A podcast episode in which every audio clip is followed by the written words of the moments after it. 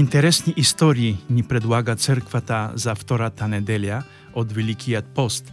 Вепреки че двете истории са разделени од почти 2000 години, те имаат многу општо помежду си. Главните герои и в двете истории са единствените синове на един и сешт башта. Да, чухте правилно. Единият од синовете живее околу 1800 години преди раждането на Христос, на околу 37 години е и е единствено дете на башта си.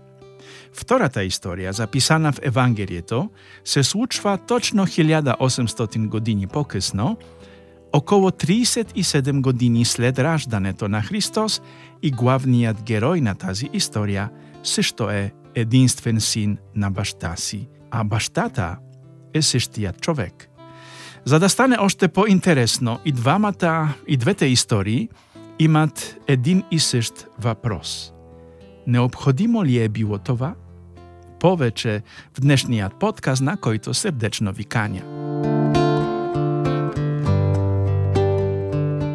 Аз съм отец Кшиштоф, аз съм австрийски капуцин и живея в Инсбрук. Вече повече от две години записвам подкастове с моите размишления върху неделните четива – Можете да намерите подкастите ми на полски, на български и на немски език под името Ja Mhm и на адрес jaMhm.podbin.com, разбира се на латиница, както и на стриминг сервери като Spotify, Apple, Google Podcast, TuneUp и много други.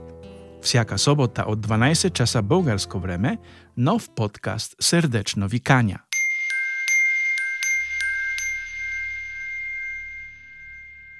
Надјавам се, че сте заинтригувани од това което казах в увода си.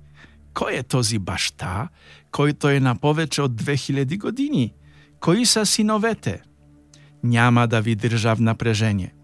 Првиот се нарича Изаак, а вториот Исус. Изаак е единствениот син на Авраам, роден од законната му сепруга Сара. Зашто казвам, че Изаак има сештиот башта като Исус? Заштото според законите на човешката природа и логика, Сара е била тврде стара за да роди сина. Изаак изобшто за да роди дете. Изак е обештаниот Божи дар на Авраам. Когато тој се согласява да напусне родината си и да отиде там, кедето Бог го води, Бог обешта му, че ще му даде син. Така, че няма да е пресилено да кажем, че Изаак е чудо предложеното од Бога. Но аз искам да ви кажа още нещо и не за това, което казах, искам да разказвам. Изаак не е на 12, на 12 години, не е 12 годишно момче, както ме учеха в катехизиса и както аз сам учих децата. Изаак беше възрастен меж, когато трегна се 100-годишниот си башта Авраам кем планината Морија, кедето Авраам требаше да принесе в жертва единствениот си син, заштото Измаил чрез Сара вече беше отхврлен. Изаак нямаше представа, че, че е жертва, докато башта му не му каза да легне на камека, кедето беше направен алтарија. Екзегетите следователи на писањата казват, че тогава Исаак е требвало да види как небето се отварја, както свети Стефан по време на убиването с камени.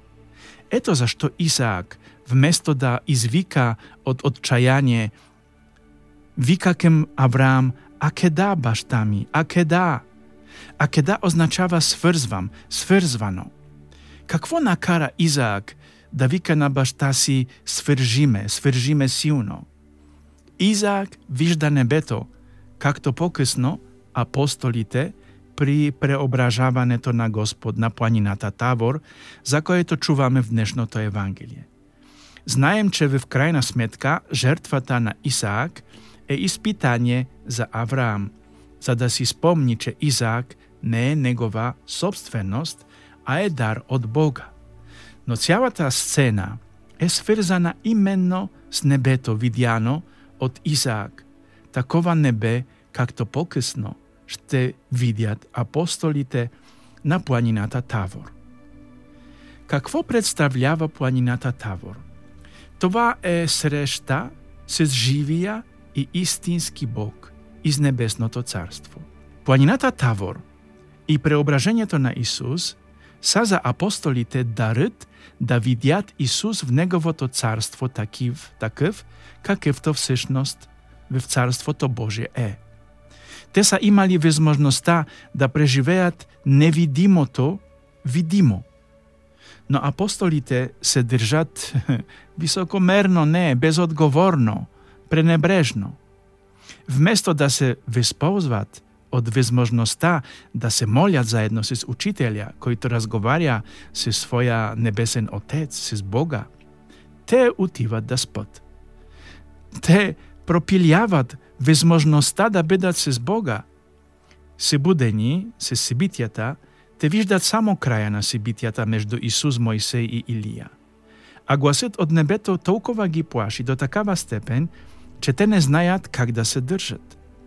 Втората неделја на Великиот пост, скъпи братја и сестри, през цялото време е началото на едно виведение в пасхалните тајни, кем които трябва да ни одведе петуването на Великиот пост.